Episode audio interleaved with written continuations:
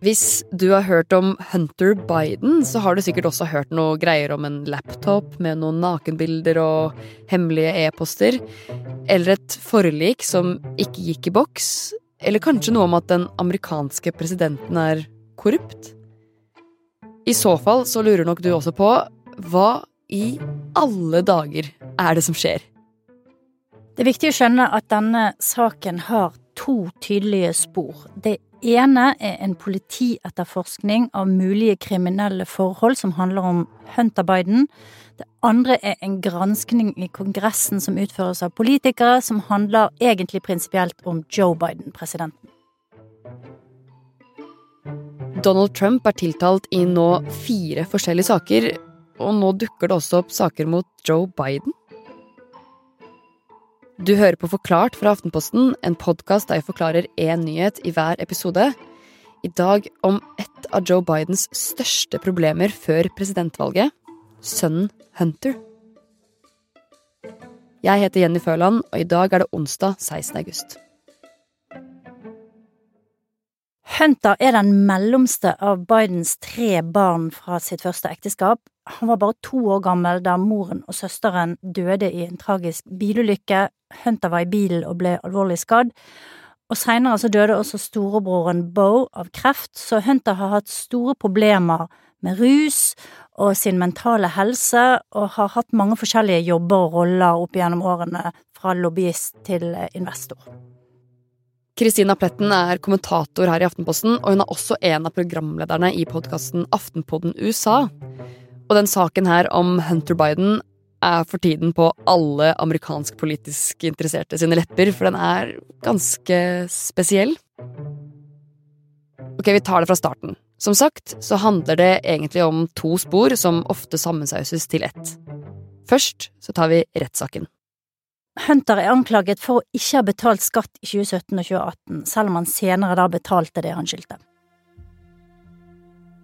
Men Hunter Biden har også hatt et stort rusproblem. Det begynte med alkohol, men han har også innrømma å ha brukt crack. Rusproblemene er faktisk koblet til rettssaken. Hunter Biden kjøpte et våpen i 2018, og da må man fylle ut et skjema der man skriver at man ikke bruker ulovlige rusmidler.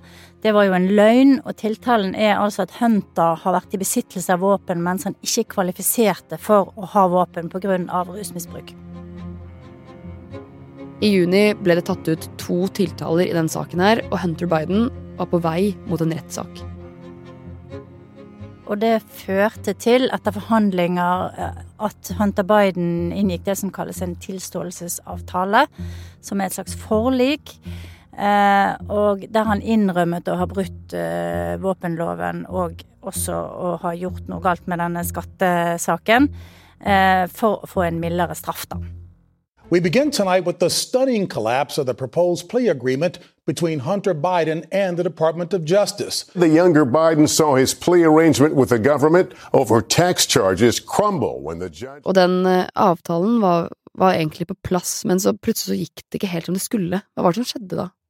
Når de kom i rettssalen og skulle godkjenne dette forliket, så viste det seg at det var stor uenighet om hva dette forliket egentlig innebar. Og spesifikt så handler det om hvorvidt Hunter eh, ville være immun mot fremtidige tiltaler. Det mente hans forsvarer at han var, mens dommeren og påtalemyndigheten hadde en annen oppfatning. Så dommeren kastet rett og slett ut dette forliket, og det var en veldig stor overraskelse egentlig for alle parter. Det endte med at justisministeren utnevnte en spesialetterforsker, den samme som tiltalte Hunter Biden i utgangspunktet, han heter David Wise, og han kan nå etterforske Hunter Biden også utenfor delstaten der saken begynte. Disse tiltalene kan eh, dermed til slutt ende opp i en faktisk rettssak siden dette forliket falt i sammen, og Hunter Biden kan i verste fall ende opp i fengsel. Dessuten så kan det også komme flere tiltaler, for nå har Vice større mulighet til å kalle inn vitner og samle inn bevis og etterforske ting som Biden har gjort, eller han eh, mener han har gjort. Eh, så det kan komme andre tiltaler for eh, lovbrudd. Og her kan da altså denne granskningen i Kongressen, den politiske granskningen, spille en rolle fordi at de kan avdekke bevis som Vice kan bruke i en kriminell tiltale. Og nå er vi over i det andre sporet som vi snakka om tidligere. Og det handler om korrupsjon. For i november, da republikanerne tok over Representantenes hus, åpnet de en granskning av Hunter Biden. Og den granskningen handler ikke om de anklagene som vi har snakket om tidligere, men de handler om noe som kan skape problemer. Og ikke bare for Hunter, men også for pappa, president Joe Biden. Altså, det er ingen tvil om at Hunter Biden har hatt mange problemer.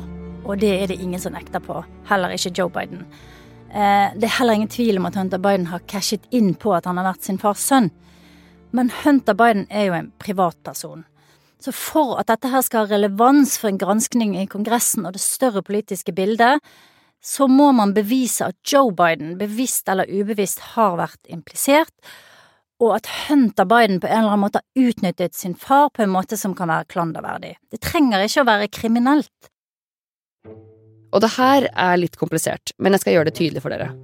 Det som statsadvokaten Wise og domstolene skal ta stilling til, er om Hunter Biden har brutt loven med tanke på skatteunndragelse og ulovlig besittelse av våpen. Men det Kongressen skal få frem i lyset, det er om Joe Biden har misbrukt sin stilling ved å hjelpe sin sønn til å berike seg selv. Eh, og det trenger ikke være juridisk straffbart for at det kan være alvorlig nok til å stille Joe Biden, presidenten, for riksrett. Og da er jo spørsmålet hvordan vil det som kommer fram nå, påvirke den kommende valgkampen?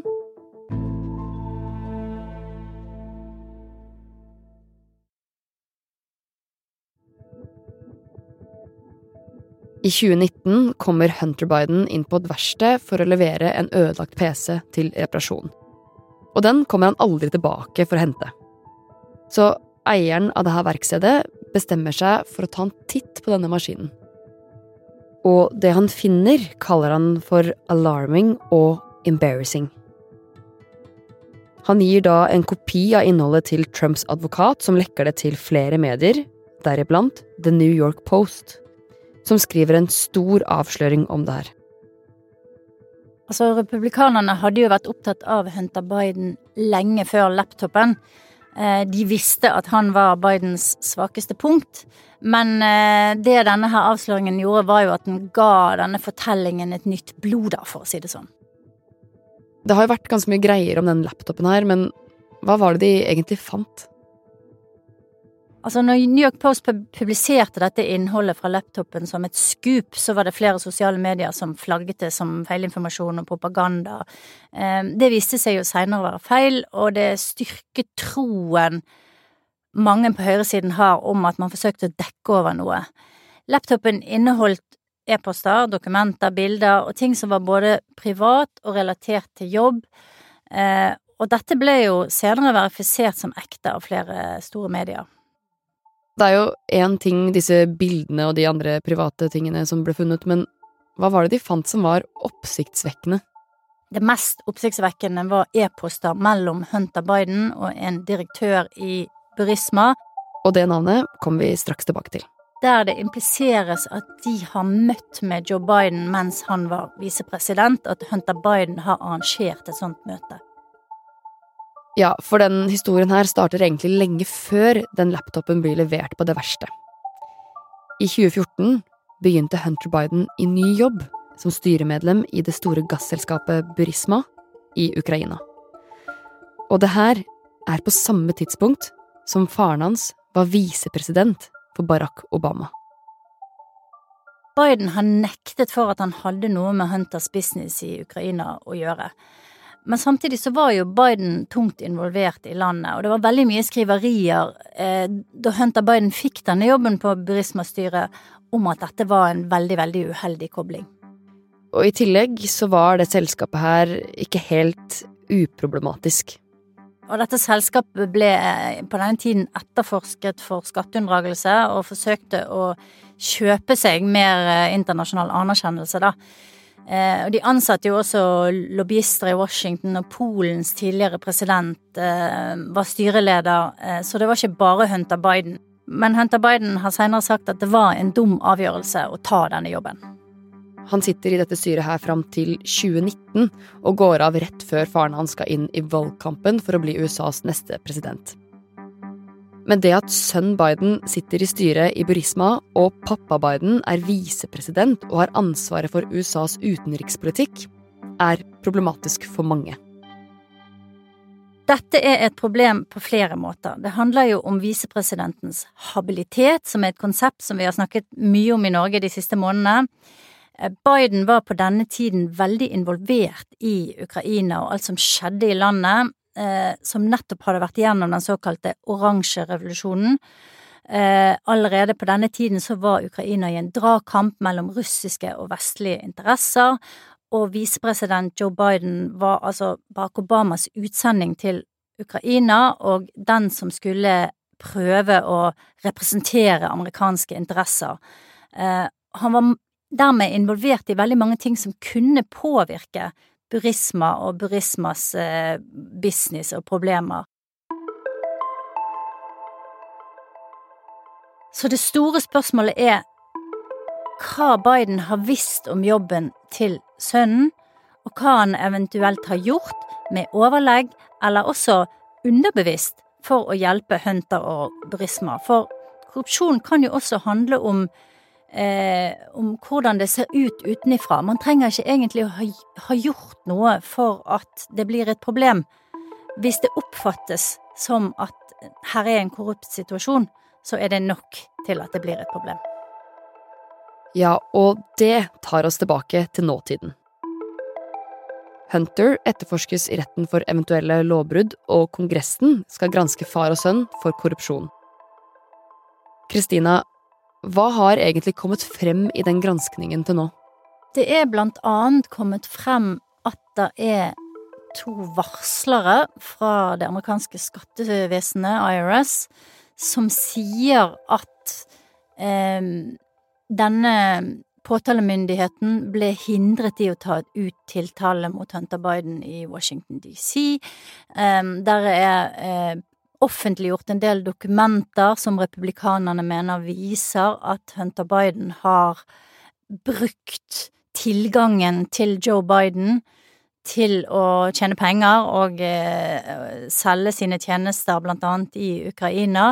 Men det er en eh, prosess som pågår, og det kan komme flere ting eh, frem. Det kan komme mer alvorlige ting frem etter hvert. Så det, det, denne saken er ikke ferdig ennå. Det, det gjenstår å se om republikanerne virkelig klarer å legge noe håndfast på bordet. Hvis republikanerne kan bevise noe i den granskningen, er det mulig at de kan stille presidenten for riksrett. Det er en politisk prosess i Kongressen, en slags rettssak, bare at det er politikere som gjør den. Foreløpig er det ingen som har klart å bevise at Joe Biden har gjort noe som er sånn helt utvetydig juridisk ulovlig. Når det gjelder om han har gjort noe som er klanderverdig eller i strid med sin rolle, og noe som kan innlemmes av riksrettssystemet, så er jo det mer en sånn vurderingssak. Og her vil det rett og slett være to forskjellige oppfatninger. Altså, demokratene vil ha én oppfatning av hva han har ment og gjort, mens republikanerne vil ha en annen, og da kommer det jo veldig fort uh, blir det et politisk uh, spill, da. Hva er det republikanerne vil oppnå med den granskningen, da? Republikanerne prøver å male et bilde av en kriminell familie. Trump kaller jo de for The Biden Crime Family. Og dette minner veldig om det de gjorde i 2016 med Bill og Hillary Clinton. Trump kalte jo konsekvent Hillary for Crooked Hillary, altså Skurke-Hillary. Og det var jo sånn at Trump og republikanerne faktisk klarte å klistre den merkelappen på Hillary, og vant jo til slutt valget, delvis av dette. Denne gangen er det jo litt usikkert om det er i Trumps interesse å kaste så mye søkelys på, eh, på juridiske eh, problemer osv., i og med at han selv sliter med eh, veldig mye av det samme. da. Han har jo nå fire tiltaler mot seg, og eh, eh det kan lett slå tilbake på han hvis han har for mye fokus på det som handler om, om domstoler og tiltaler osv. historic news. Donald Trump has become the first former United States president to face criminal charges. To overturn illegally the 2020 election results. It is all related to the hush money payment made to former porn star Stormy Daniels. The boxes went from the White House. They contained classified information to the Mar-a-Lago Club. På starten av denne uka var Trump tiltalt i tre forskjellige saker. Og natt til tirsdag så kom den fjerde. And I can tell you now officially that former President Donald J. Trump has been criminally indicted in the state of Georgia. Den handler om et forsøk på å endre valgresultatet i delstaten Georgia under valget i 2020. Men til tross for alle disse tiltalene mot ham, så kan Trump bli republikanernes presidentkandidat i neste års valg. Det er jo en veldig spesiell og veldig rar, en absurd situasjon, vil jeg si, der du har to kandidater eh, som begge har vært presidenter, som da begge har disse alvorlige anklagene og muligens tiltalene mot seg. Eh, nå er jo ikke Biden formelt anklaget for noe som helst, eh, men det er jo sånn at republikanerne vil forsøke å bruke dette her for alt det er verdt.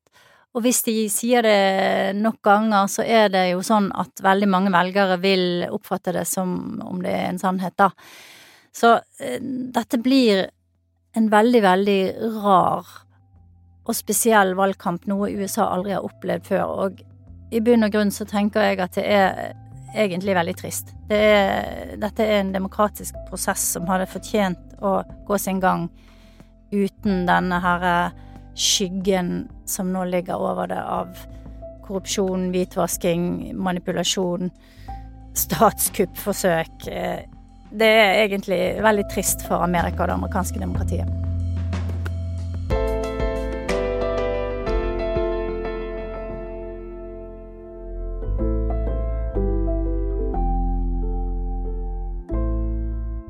Du har hørt en podkast fra Aftenposten.